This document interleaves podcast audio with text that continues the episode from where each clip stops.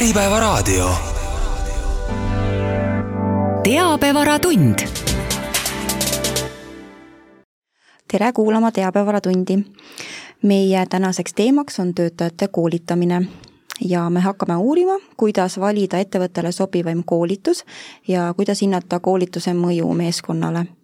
ja lähemalt uurime tegelikult hoopiski koolituse alternatiive ja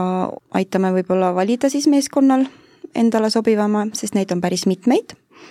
hakkamegi nendest pikemalt rääkima ja selleks on meil stuudios meeskondade coach, superviisor, koolitaja ja diskmudeli käitumisprofiilide konsultant Allan Kaljakin, tere! tere! ja meil on veel stuudios personalijuhtimise teabevara peatoimetaja Külli Gutmann, tere ka sulle, Külli! tere!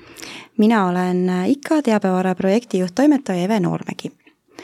milline üldse on tööandja roll töötaja tööalases arengus, et ma kujutan ette, et tööandjal on siin väga suur roll mm. -hmm. jaa, et tööandja on tegelikult see, kes loob õppimiseks sobiva keskkonna, et seal peab olema sellist nagu õppimist toetav töökultuur aga samas äh, see vastutus oma õppimise eest minu hinnangul äh, lasub siiski igal inimesel endal. Äh, kuidas selgitada välja ettevõtte arendus- ja koolitusvajadused? jaa, no kõige ideaalsem on see, kui ähm, koolitus- ja arendustegevused on väga otseselt seotud organisatsiooni strateegiliste eesmärkidega, et läbi mõelda äh, mida üldse koolitus- või arendustegevusega soovitatakse, soovitakse saavutada, et mis on see ideaalolukord pärast, pärast siis vastavate tegevuste elluviimist? Ja kuna see on kindlasti väga selline nii aja, aga ka rahalise ressurssi nõudev, et siis äh, väga oluline on ka need erinevad arenguvajadused prioritiseerida, sest paratamatult äh, äh, kõigega võib-olla ei jõua, ei ole ka mõistlik tegeleda, aga lihtsalt siis enda jaoks nagu välja mõelda, et millise valdkonna arendamine parasjagu on kõige, kõige olulisem või, või kui just sellesse valdkonda nagu panustada, on see mõju organisatsiooni siis tulemuslikkusele kõige suurem. ja, ja kindlasti töötajate seisukohast ka nagu läbi mõelda, et kui nad seal koolitustel käivad, et mis siis peaks olema nende eh, töö tegemise viisides, käitumises, mõtteviisides pärast muutunud. nii, kui nüüd arendus- ja koolitusvajadused on välja selgitatud, siis mis oleks eh, tööandja jaoks järgmine samm? Jaa, tuleme jällegi tagasi selle eesmärgi juurde, et, ähm, et kui on äh, välja selgitatud, mis on selle koolitustegevuse eesmärk, et siis saab juba nagu ka mõelda, et äh, milline, milline arendustegevus on äh, kõige sobivam, et kas see on siis see traditsiooniline koolitus, mille kasuks tavaliselt kõige rohkem valitakse, või on siin tegu millegi muuga võin siinkohal ka välja tuua, et ähm, üsna palju ju tegelikult kasutatakse töötajate arendamiseks juba coaching ut kui arendusmeetodit, äh, mina ei alahindaks kindlasti ka co-visiooni, supervisiooni ja tegelikult mentorlust, äh, ja, ja noh, kindlasti ka koolitusel on väga erinevad formaadid. Milliste eesmärkide saavutamiseks on koolitus parim lahendus? Mm. -hmm. no mina ütleksin ikkagi niimoodi, et traditsiooniliselt koolitus on kõige õigem valik sellisel juhul, kui äh, on soov anda siis uusi teadmisi, oskusi, noh näiteks võtame, et äh, ma ei tea, kas on seadusandluses midagi muutunud, et siis, siis väike koolitus annab ülevaate, äh, mis siis on seal muutunud ja milliseid Ehm, milliseid teadmisi ja oskusi peaks siis justkui nagu teadma sa natuke juba mainisid äh, nendest alternatiividest, millest me hakkame natuke hiljem rääkima mm, -hmm. aga ma küsin veel koolituse kohta, et mille järgi siis otsustada ja valida, et missugune koolituse formaat on töötajate jaoks sobivaim? Mm. -hmm. no siin on mitmeid aspekte, võtame kas või näiteks ajalise kestvuse, et koolitus võib olla oma olemuselt paaritunnine, aga ta võib olla ka pikk arenguprogramm jällegi see sõltub nagu eesmärkidest. Me võime Äh, seda teha üle veebi, mis koroona aastatest on ju tegelikult jäänud meie nii-öelda sellist koolituspraktikat siiamaani saatma. Ja, ja on kindlasti neid äh,,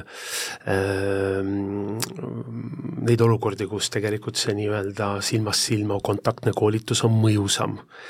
Et ühelt poolt jah, see aja aspekt ja, ja teisalt ka, et, et, et mil viisil me seda teeme ja, ja kindlasti on, on siin veel nagu lisaaspekte, et kas on ta rohkem nagu individuaalse lähenemisega või, või on ta siis rohkem selline rühmapõhine.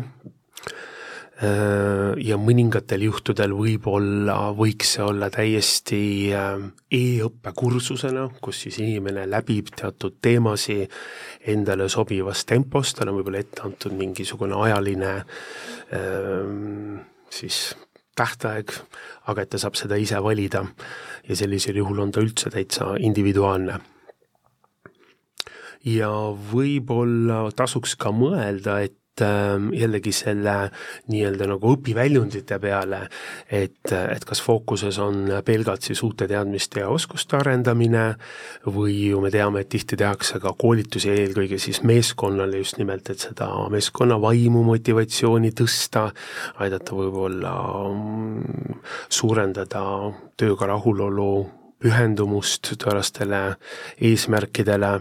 mõnikord võib olla koolituse fookuseks hoopiski suhted meeskonnas, klientidega, ehm, kaasajal väga aktuaalne teema on pidevalt muutustega toimetulek, et, et siin on nagu mitmeid, mitmeid aspekte, millele tähelepanu pöörata. kuidas pärast koolitust hinnata selle mõju? Jaa, äh, siin on nüüd nii, et ähm, kui me juba rääkisime sellest eesmärgistamisest, et äh, tark oleks tegelikult eesmärgistamise etapis äh, ka ära fikseerida, mis on need nii-öelda tulemusnäitajad ja siis on hiljem ju peale koolituse toimumist äh, väga selge, et kas teatud mõõdikud on kuidagi muutunud või siis mitte. et et, et siin võib olla mõõdikuteks näiteks numbriline näitaja, on ta siis müügikasv või uute kliendikontaktide, lepingute arv, äh, kliendi rahulolu, äh, töötajate endi rahulolu, rahulolu juhtimisega, et, et kui need mõõdikud on algselt paika pandud, et siis on lihtsam hiljem ka äh, hinnata selle, selle mõju. ja noh, teine asi on ikkagi jah see, et äh, mis konkreetselt siis koolitusel osalenute nii-öelda tööalases soorituses on äh, on muutunud ja kas on muutunud, et kuidas sellel koolitusel siis omandatud äh, osatakse praktikas äh, rakendada jätame selle koolituse nüüd äh, hetkeks kõrvale ja lähmegi edasi alternatiividega. Äh, milliste eesmärkide saavutamiseks on koolituse alternatiivid sobivamad kui koolitus ise mm? -hmm. ma kõigepealt võib-olla tooksin välja millised minu hinnangul võiksid olla koolituse erinevad alternatiivid ja siis võib-olla igast ühest saab natuke juba nagu lähemalt rääkida. et enne juba mainisin ka, et tegelikult coaching ut täiesti arendusmeetodina äh, üksjagu juba kasutatakse, ehk et kindlasti see on coaching kui arendusmeetod. Äh,, coaching uga on üsna sarnane kovisioon äh,, supervisioon ja tegelikult vana hea mentorlus et võib-olla need on minu hinnangul äh, siis koolitusele alternatiivid, mida tasuks kindlasti nagu koolitustegevuste e e e planeerimisel kaaluda aga mis olukorras siis peaks mõtlema, et koolitus ei ole meie jaoks parim alternatiiv, vaid, vaid eelistame mõnda muud alternatiivi? Mm. -hmm.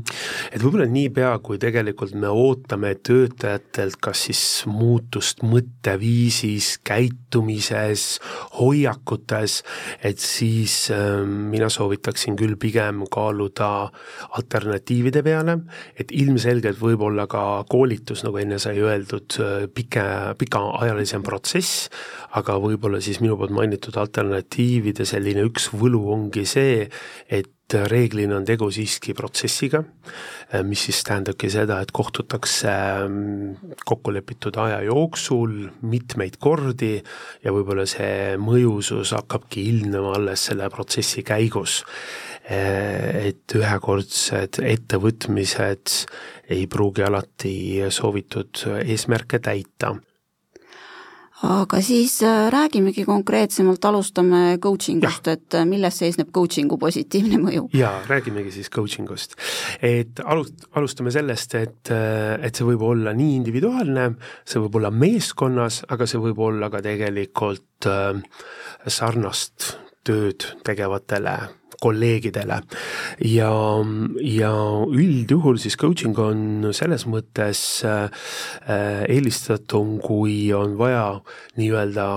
julgustada töötajaid avastama kõigepealt oma siis tugevusi, ressursse, seda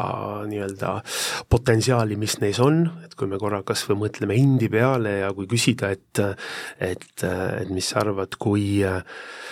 kui suurt potentsiaali sa oma igapäevategevustes kasutad, et see maksimum on nagu sada, et siis ma ei usu, et me alati ütleme, et jah, me igapäevaselt kogu aeg teeme seda sada, sada protsenti. et kindlasti seal seda kasvuruumi on ja coaching aitab seda välja tuua. Äh, samamoodi siis äh, enne mainisin siin muudatustega toimetulekut ja noh, muudatus võib olla ka see, kui näiteks äh, on kas meeskonnas muudatused toimunud, on need kuidagi meeskonnast väljaspool, organisatsioonist väljaspool või, või me lihtsalt oleme oma uues ametirollis. et, et siis, siis aidata nagu äh, saada suuremat selgust nendest ootuste osas, mis meile on ja, ja mis selle ametirolliga nii-öelda siis kaasas käib. ja kuna igapäevaelu sunnib Äh, mõtlema ka kogu aeg ähm, uusi lahendusi, sest tihti äh, harjumuspärased tegutsemisviisid ei pruugi ähm, alati toimida, kui, kui on mingisuguseid väliseid muutusi, ehk et siis coaching aitab kindlasti ka mm, niimoodi lahendustele orienteerituna katsetada nagu erinevaid tegutsemisviise, et see töösooritus oleks siis tulemuslikum ja, ja üks teemadest on kindlasti ka selline töömotivatsioon, et kes meist ühel hetkel võib-olla noh, ei väsiks ära, et, et siis ta aitab sellist nagu äh, sisemist pühendumust äh, üles, üles endas leidma äh,. ja,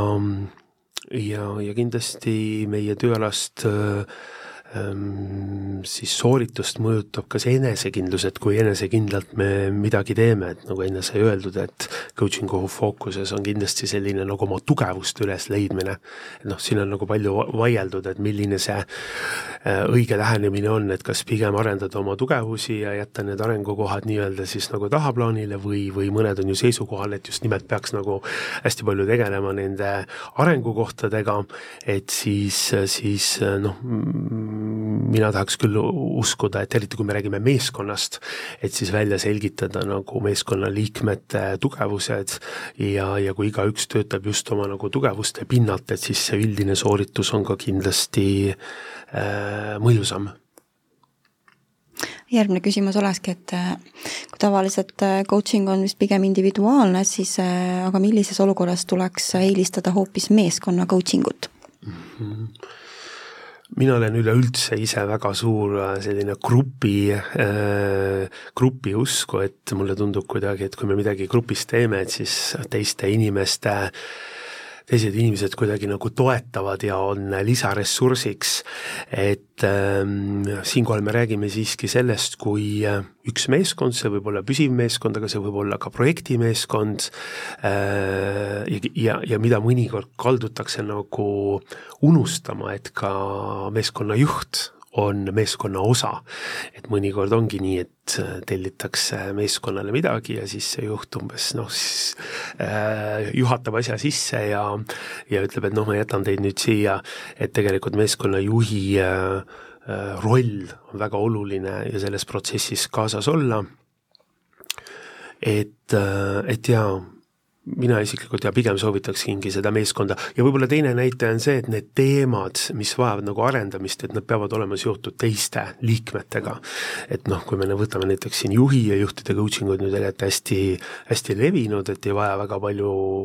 võib-olla juurde selgitamist, et siis ilmselgelt need asjad, milles juht tahab olla tulemuslikum, on tal kõige parem seda individuaalselt teha ja ta ei pea seda tegema meeskonna ees, aga et sellise jah, meeskondliku soorituse äh, mõttes on oluline, et kõik need asjaosalised oleksid protsessi kaasatud. Sa oled ju ise ka meeskonna coach, et äh, võib-olla sul on kuulajatele tuua mõned näited äh, erinevate meeskondade coach imisest ja mis teemadel üldse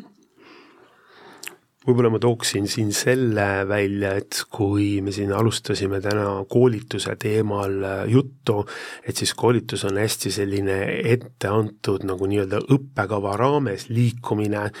ja, ja, ja seda mänguruumi on võib-olla justkui vähem, et siis coaching'u võib-olla üks äh, tugevus on just nimelt see, et hästi palju saab tööd teha sellega, mis siis nagu nii-öelda koha peal välja tuleb.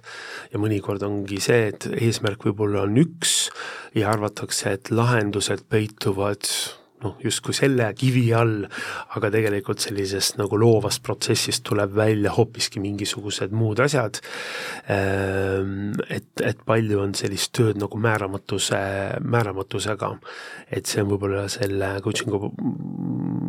võlu, võlu minu jaoks. selliseid konkreetseid näiteid ma ei oskagi nagu tuua, et see hästi sõltub Äh, meeskonnast ja hästi sellest, et mis teemad on seal aktuaalsed. et võib-olla see selline nagu individuaalne lähenemine ähm, ongi, ongi selle nagu arendusmeetodi üks selline nagu võlu. et saab hästi palju are-, noh, nagu arvesse võtta siis, siis äh, grupist tulevaid nagu vajadusi ja ootusi aga näit-, näiteks äh, mõni teema, millega pöördutakse sinu poole, et meil oleks nüüd vaja sellist teemat arutada, kas on midagi, midagi välja tuua mm,? tihti on ikkagi sellised kas omavahelised suhted, et kui omavahelised suhted on meeskonnas ära läinud ja noh, me ju teame hästi, et, et kui see meeskonnatöö äh, oskus või see meeskonnana toimimine on kuidagi nagu mm, nõrgestatud, et siis väga häid tulemusi ei too. Ja, ja teine asi kindlasti klientidega, et need meeskonnad, kes on nii-öelda äh, vastamisi klientidega, et siis need kliendid pakuvad ka väga palju sellist äh, väljakutset, äh, millega on võimalik siis coaching us tegelikult tegeleda. Coaching us on oluline ka see, et kui me muidu oleme harjunud paljuski nagu noh, nägema ennast nii-öelda mina ja siis on teised, et siis võib-olla selles protsessis äh, näeb paremini ka oma kolleege, et kuidas tema mõtleb äh,, kuidas tema neid asju üldse näeb, et neid nagu perspektiive tuleb äh, rohkem juurde ja selle pinnalt, kui ma näen, kuidas mõtlevad minu kolleegid või kuidas nad ühest või teisest asjast üldse aru saavad, siis ma hakkan kuidagi nagu enda käitumist äh, reageerimist ka nägema nagu teises valdkon-, valguses. et, et võib-olla see mul kuidagi meenus selle nii-öelda meeskonna coaching'u kontekstis võib siis ka ju öelda, et meeskonna coaching'u käigus sa õpid ka enda meeskonda tundma kindlasti jaa, jaa, et nagu ma ütlesin, et võib-olla koolitusel on jah, sellised selged raamid ja, ja ajapiirid ja ja võib-olla fookuses on jah, mingisugused sellised nagu mitte meeskonna liikmetest tulenevaid eesmärke, et siis, siis siin, siin saab kindlasti jah, hästi palju just teha nagu tööd eh, osalejate enditega. ja see kindlasti nagu pikas protsessis nagu äh, on toetav tegevus, et võib-olla mõnikord jääb justkui nagu mulje, et milleks sinna näiteks seda aega panna või, või, või et see on kuidagi nagu teelt kõrvale kaldumine, et siis tegelikult just äh, pikas protsessis seal on kindlasti oma, oma nagu võlu jaa, ja koolituse puhul ju tihtipeale võib-olla sa ei tohigi rääkida teistega juttu, vaid pead mm -hmm. kuulama, siis coaching'u puhul sa just pead suhtlema ja mida rohkem sa suhtled, seda edukam see on. jaa, jaa, sest võib-olla siinkohal võibki nagu natuke lahti selgitada, et mis selle coaching'u nagu olemus on, et, et äh, professionaalne coach ju tegelikult töötabki hästi palju sellega, et kuidas selles protsessis osalejaid kaasata, avada, panna oma mõtteid äh, avaldama, oma käitumist reflekteerima, et et see selline nagu,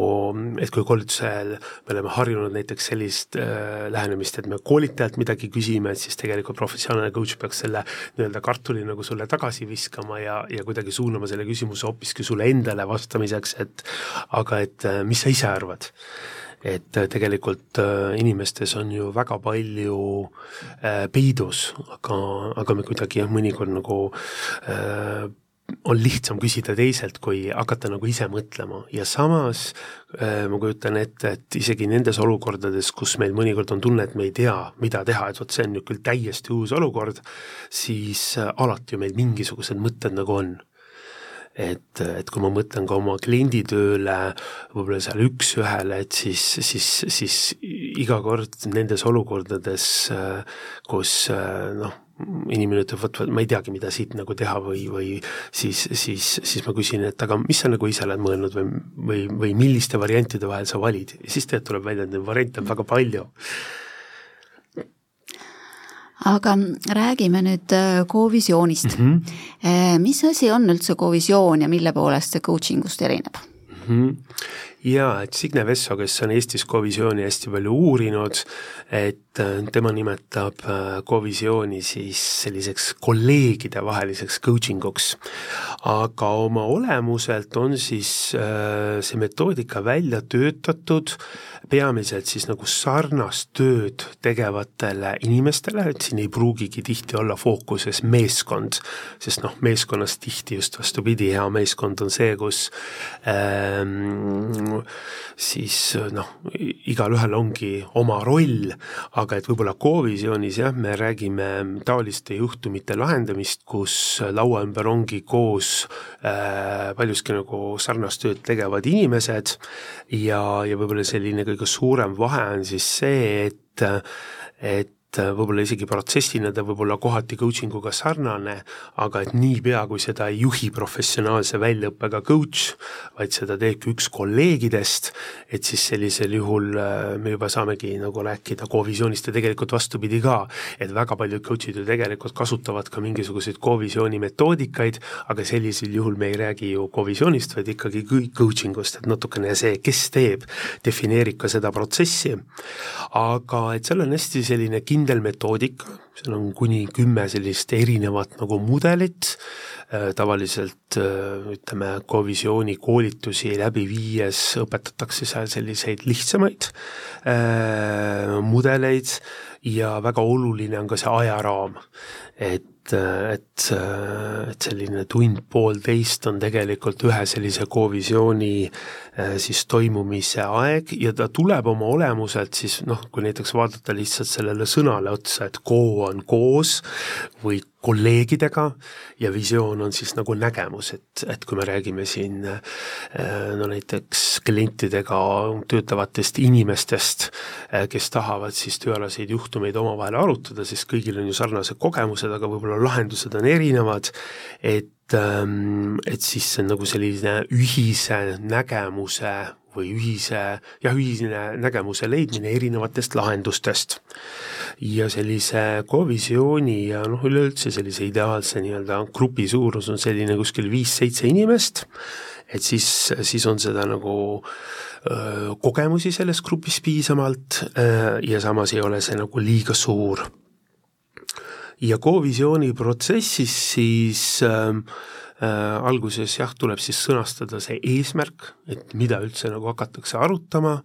Ja oluline on siis äh, see, et äh, et see, kes võtab siis selle protsessi juhtimise eest äh, siis vastutuse, et see inimene siis väga paljuski tegelikult jälgib pigem sellist nagu, et ajast kinni peetakse, et grupikokkulepetest kinni peetakse ja et ei kaldutaks sellest eesmärgist nagu väga kõrvale. ja, ja, ja tegu on kindlasti nagu protsessiga mis siis tähendabki seda, et, et käiakse korduvalt koos, need teemad võivad olla erinevad ja, ja reeglina juhib ka siis seda protsessi erinev inimene. aga siin on muidugi hästi oluline ka see, et see, kes seda kovisiooni protsessi juhib äh,, oskaks seda teha et võib-olla koosoleku juhtimise oskus on meil paljudel, aga et siin on jah, see metoodika selline spetsiifilisem ja, ja sellisel juhul on nagu oluline seda, seda vallata, et, et on täitsa okei okay ka see, kui äh, kolleegid käivad korduvalt koos, aga noh, näiteks juhib seda üks ja seesama inimene, et, et see võib ka nagu ette tulla. Milline see Covisiooni metoodika on ja, ja nagu ma aru saan, siis coach'i erinevalt coach'ist äh, asendab siis Covisiooni nii-öelda juhti mõni, mõni kogenum kolleeg ja see võib olla ka erinev iga kord. jaa, jaa, et Covisioon on selline õppimise protsess, kus äh, sarnast tööd tegelevad spetsialistid omavahel arutavad siis kindla metoodika alusel tööalaseid juhtumeid. Ja võib-olla toongi siinkohal välja, et mis on sellised nagu enam levinud etapid, et need mudelid pidi võivad nagu erineda, aga et üldjuhul siis äh, kõik saab alguse sellest, et tuleb üldse valida välja, mis on see küsimus, mida hakatakse nagu arutama. ja oluline on siis see küsimus ka kirja panna. et et, nii-öelda protsessi lõpuks saaks tagasi tulla selle juurde, et, et, et need lahendused, mis leidsid, et kas nad nüüd tõesti vastavad nagu sellele äh, küsimusele. ja reeglina on siis üks inimene sellest seltskonnast, äh, viis kuni seitse liiget, kes oma tööalast juhtumit natukene kirjeldab ja nagu ma ütlesin, paneb siis äh, kirja selle küsimuse, mida ta oma kolleegidelt ootab. ja siis on see etapp, kus äh, saab küsida täiendavaid küsimusi, aga oluline on siis nendele küsimustele sellised hästi nagu napid vastused anda, et sellest ei teki mingi tohutu diskussioon, vaid lihtsalt täpsustavad küsimused, vastused. ja siis see inimene, kelle küsimust parasjagu kolleegid arutavad, on hea tava see, et astub natuke sellest aru, arutelust kõrvale ja siis ühel hetkel teised nagu peegeldavad, et mida nad kuulsid ja see inimene siis, kelle juhtumit arutatakse, saabki nii-öelda nagu, et kui me muidu oleme harjunud ennast nagu nii-öelda peeglist nägema, et siis nad nii-öelda peeglist, peeglist justkui nagu kuuleb oma juhtumit ja mõnikord noh, minu kogemus ütleb seda, et et tegelikult on mingisuguseid taipamisi juba tekkinud sel hetkel, kui teised nagu sinu juhtumit arutavad. ja noh, võib-olla väljakutse koht on alati see grupijuhina, et, et kuidas äh, jälgida siis, et, et see inimene ei tuleks ka nagu sinna vestlusesse, vaid et ta jääks nagu oma mõtetega sinna üksi ja tal on noh, tavaliselt soovitatakse äh, teha ülestäheldusi ja siis, kui see selline nagu arutelu, et mida kuuldi, on läbi, et siis toimub selline klassikaline ajurünnak, kus siis igaüks äh, toob välja nii palju mõtteid, kui tal tuleb, et kui ta oleks sarnases olukorras, mida ta teeks. ja siin on just hästi oluline see, et see ei tohiks olla selline nagu õpetuslikkus, et tee nii või tee naa või proovi nii või miks sa jälle nii teinud, vaid just see, et kui mina oleksin sina, siis ma selles olukorras teeksin nii. et see on kuidagi selline neutraalne viis, mis sellele inimesele, kes siis nagu seda nii-öelda teiste ettepanekuid kuuleb, annab võimaluse ka eemalduda, et väga tore, et sina teeksid nii, aga mina ei tee. et ta ei ole selline peale surutud. ja, ja siis on selline kokkuvõtte osa ja, ja, ja tavaliselt toimub ka selline nagu võimestamine, et iga grupi liige siis selle konkreetse juhtumi kontekstis ütleb, et et mina küll usun, et sa saad selle lahendamisega väga hästi hakkama, sellepärast et ja võib-olla siit coaching ust nagu tuttavad need sellised nagu tugevused, et ma ei tea, sinul on sellist nagu lahendustele orienteeritust, julget pealehakkamist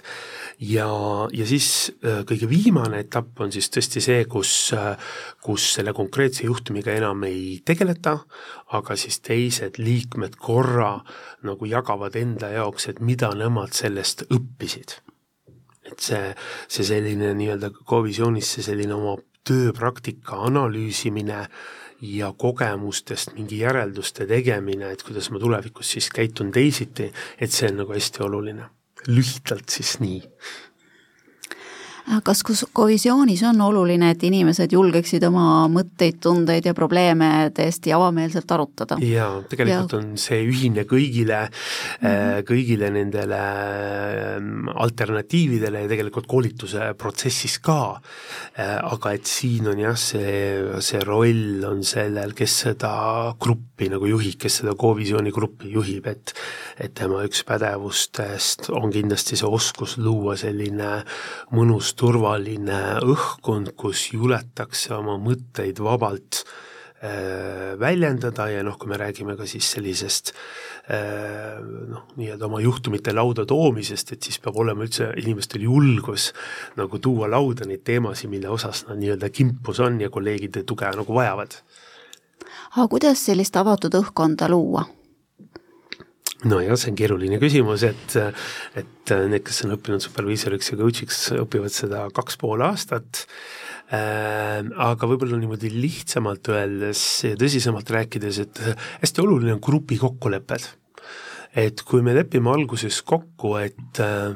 et see siin on ajurünnak, need ideed, mis me välja käime, ei pretendeerigi mingisugusele tõele, vaid, vaid, vaid need ongi lihtsalt praegu tulevad ideed ja me ei hakka neid nagu kaitsma või, või, või, või kuidagi nagu ümber lükkama, vaid, vaid me lihtsalt lasemegi väga paljudel ideedel lauda tuua, et see on see kokkuleppe koht ja võib-olla ka see viis, kuidas me nagu üksteist väljendame, et noh, ükskõik kui tuliseks mingi teemaga ei lähe, me näiteks jääme selle kõige juures alati rahulikuks. Ja kui need kokkulepped protsessi alguses kirja panna, siis on ühel hetkel võimalik tegelikult nende juurde nagu tagasi tulla ja viidata et, et, et meil oli kokkulepe, et me ei anna hinnanguid, aga et võib-olla see noh, peegeldada tagasi, mis on ka ju tegelikult coaching us hästi oluline, see oskus, peegeldamise oskust, et võib-olla see praegu, mis, mis ma siit kuulen, on küll väga selge hinnangu andmine. kas siis äh, tähendab, et ei pea mõtlen, kuidas ma seda küsimust sõnastan,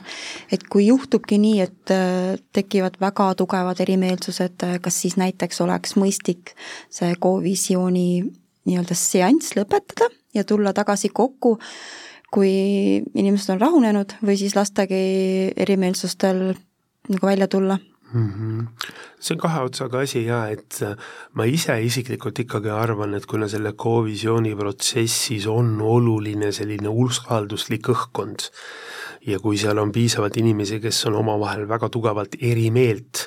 et siis seda usalduslikku õhkkonda ei ole ja siis see metoodika tegelikult ei toimi ka aga samal ajal ikkagi selle võlu seisneb just selles, et, et mina näen asju ühtepidi, aga võib-olla teised kolleegid teisiti, et see piir on selline nagu õrn, et millal on see hea ja saamegi öelda, et erinevusi, erinevad mõtted rikastavad ja mis maalt tegelikult see protsess ei, ei, ei toimi. Et selline tunnetuse küsimus, jah. et ühtviisi sa pead ennast tundma turvaliselt väljendades oma tundeid, mis võib-olla on teistega täiesti vastumeelt, aga teisalt sa võiksid siis ikkagi äh, mõelda siis meeskonna ühtsuse peale ja tegutseda nii, et meeskond oleks ühtne. jaa, jaa mm, et see on alati hea, kui on erinevaid mõtteid, erinevaid arvamusi, et üksteiselt õppida ja näha, kuidas teised asju näevad, aga samas noh, otseselt konfliktid siis ikkagi ei ole head. jah, et co-visioonis ikkagi jah, see, see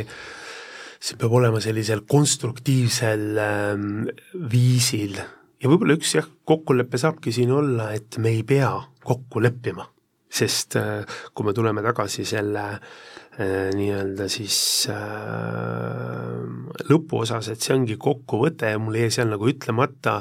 et äh, et see, kes on selle teema lauda toonud, tema teeb kokkuvõtte enda jaoks ja sõnastab, et kuidas tema sealt edasi liigub see nüüd ei ole küll Covisionist näide, aga mul tuleb meelde üks oma coaching'u sessioon, kus peale pikka tööd erinevate lahenduskäikude väljamõtlemise osas ütles inimene, et tead, mul tekkis hoopiski üks kolmas idee. ja kõik need mõtted, mis, mis, mis me tegelikult koos nagu leidsime, ta jättis need kõrvale ja, ja tal tekkis täitsa mingi välk muu mõte. ja vot siin peab ka grupp andma nagu selle äh, noh, aktsepteeringu, et, et ta võib-olla ei võtagi nendest grupist tulnud ideedest mitte ühtegi. Ja tal tekib lõpuks see endal. Ja jällegi siis see grupp, kes lõpus selles kõige viimases etapis peab nagu enda jaoks sõnastama, et mis see tema õppekoht oli, et, et, et sellest hoolimata, et võib-olla see teine inimene tema ideed nagu ei võtnud, siis enda jaoks ta ju õpib sellest kindlasti midagi. jah, et äh, igal juhul kõik õpivad midagi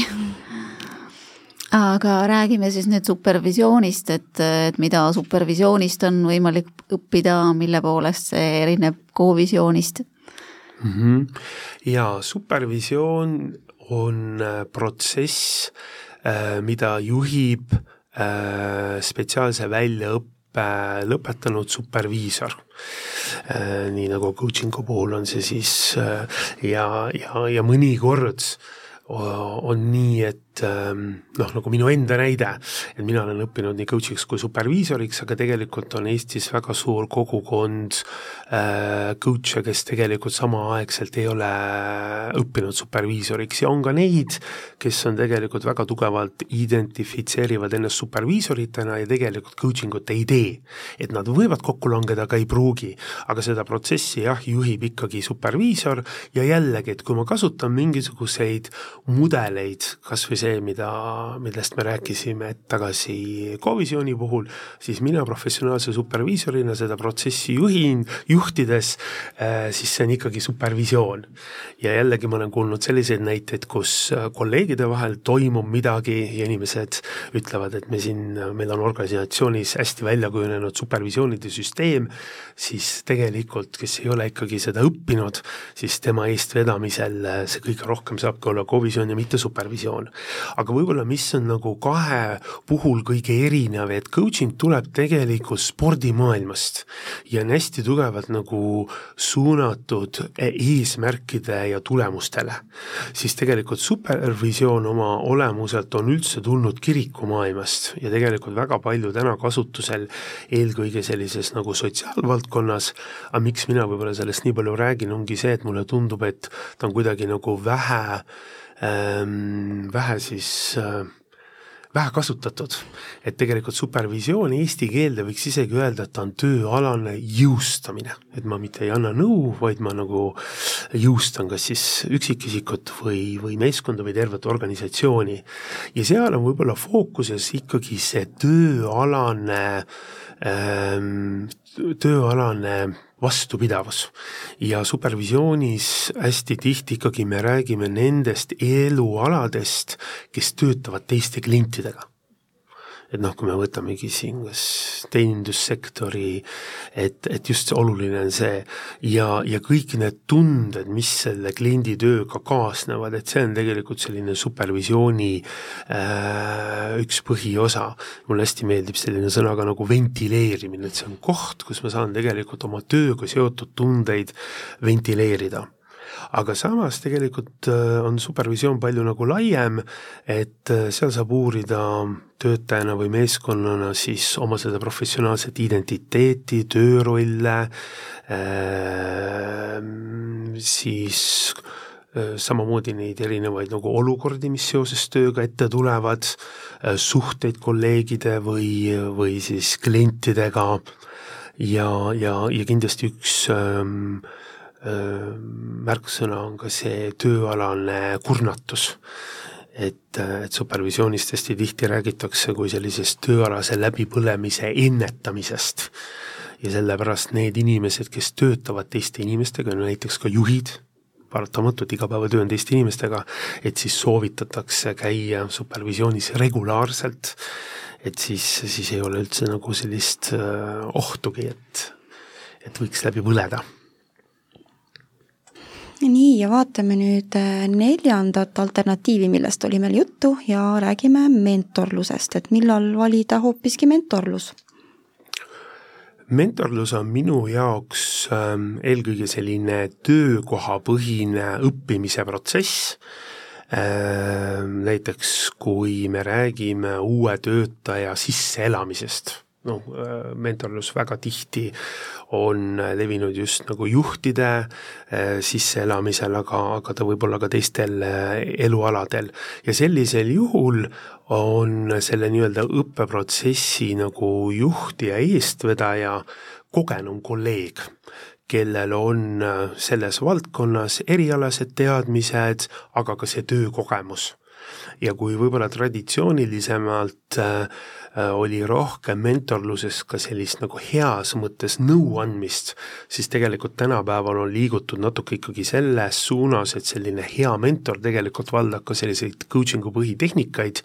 ja mitte ei ütle nagu ette, et kuidas mina omal ajal tegin või kuidas mina praegu teeksin, vaid, vaid ikkagi ärgitab nagu inimest ka mõtlema, ähm, et aga et mis, mis sa sellises olukorras ise teeksid või mis on need mõtted, millele sa oled äh, ise ise mõelnud.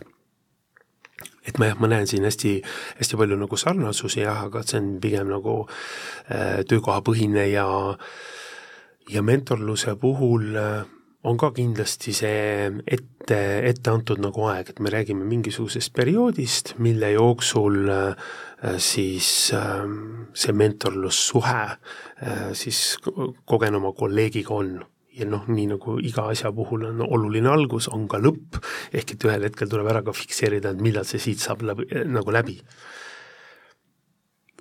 Et sa juba mainisid, et heal mentoril võiksid olla ka coaching oskused, aga mis oskused veel mentoril võiksid olla? Mm? -hmm. jah, võib-olla ma võib-olla tookski lihtsalt välja, mis need oskused on, mõnikord on nagu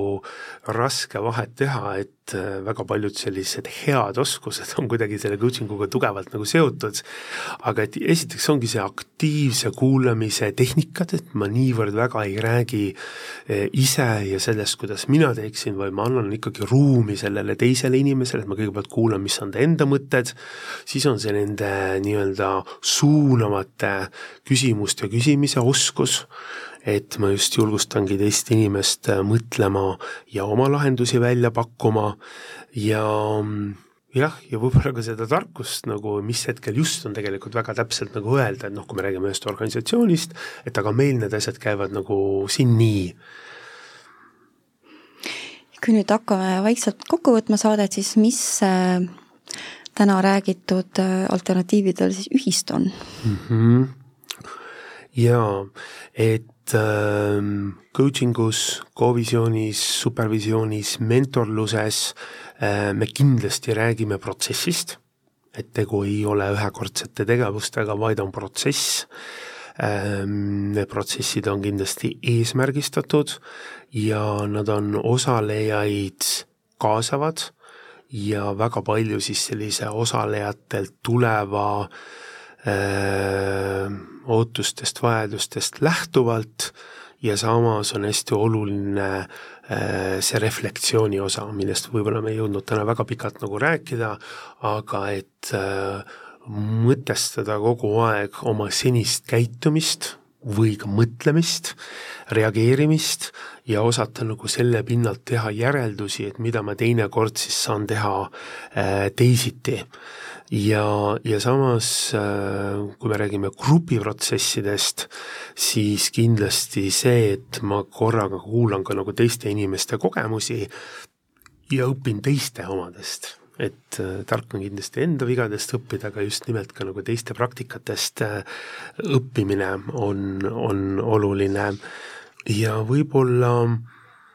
võib-olla just nimelt ka see, see coaching'u mõtteviis tegelikult, mida ma siin olen püüdnudki läbi näidete või läbi konkreetsete ähm, tehnikate välja tuua, et see on ka tegelikult äh, neile alternatiividele, millest me oleme täna siin rääkinud, üsnagi ühine. et, et see coaching jah, ei ole mitte ainult tehnika äh, ja mingi konkreetsed mudelid, vaid ta on ka natukene nagu mõtteviis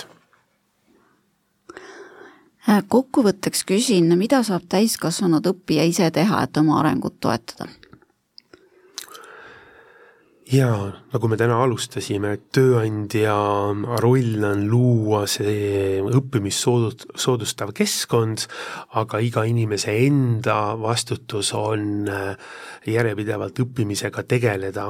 Ja, ja hästi oluline on äh, suurendada seda eneseteadlikkust, ollagi teadlik enda tugevustest, võib-olla nendest, mis on pigem sellised arengukohad ja, ja oskus äh, oma siis erinevaid mõtteid, tundeid, valikuid, käitumist äh, reflekteerida ja, ja selle pinnalt siis teha nagu muutusi, et äh, mul tuleb kohe siin üks näide äh, ühest jällegi individuaalsest sessioonist, kus üks inimene noh, kirjeldas, kuidas ta nagu tegeleb või toimib mingisugustes olukordades. Ja siis ma korra peegeldasin nagu tagasi, et aga et sa just nagu hetk tagasi ütlesid, et see kuidagi nagu ei toimi, et aga et miks see siis nagu miks sa siis nagu